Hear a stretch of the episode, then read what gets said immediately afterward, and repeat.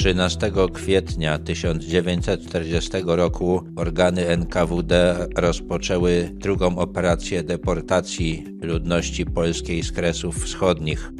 Wywożono rodziny oficerów, funkcjonariuszy policji, żandarmerii, służby więziennej, ziemian, fabrykantów i urzędników państwowych, a także rodziny ludzi aresztowanych już za działalność antysowiecką. Decyzję w tej sprawie podjęło Biuro Polityczne Partii Bolszewickiej 2 marca 1940 roku, a 10 kwietnia zatwierdził ją sowiecki rząd, czyli Rada Komisarzy Ludowych.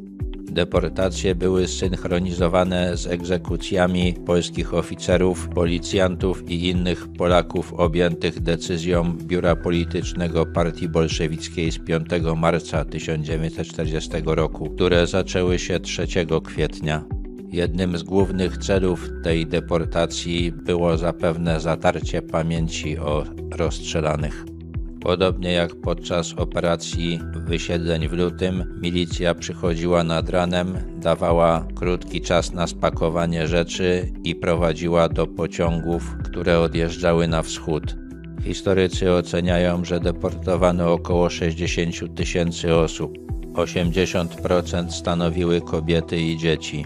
Podczas tej operacji Polaków wywożono głównie do Kazachstanu, do obwodów Aktiubińskiego, Kustenajskiego, Pietropawłowskiego, Semipałatyńskiego, Pawłodarskiego, północno-kazachstańskiego i Akmolińskiego, a także do obwodu czelabińskiego, który leżał w Rosyjskiej Republice Sowieckiej. Deportowanych w drugiej fali również wieziono w bydlęcych wagonach, ale temperatura była już wyższa niż w lutym 40 roku. Osiedlano ich w rejonach o nieco lepszym klimacie i nie oddzielano od miejscowej ludności. To zwiększało szanse na przeżycie.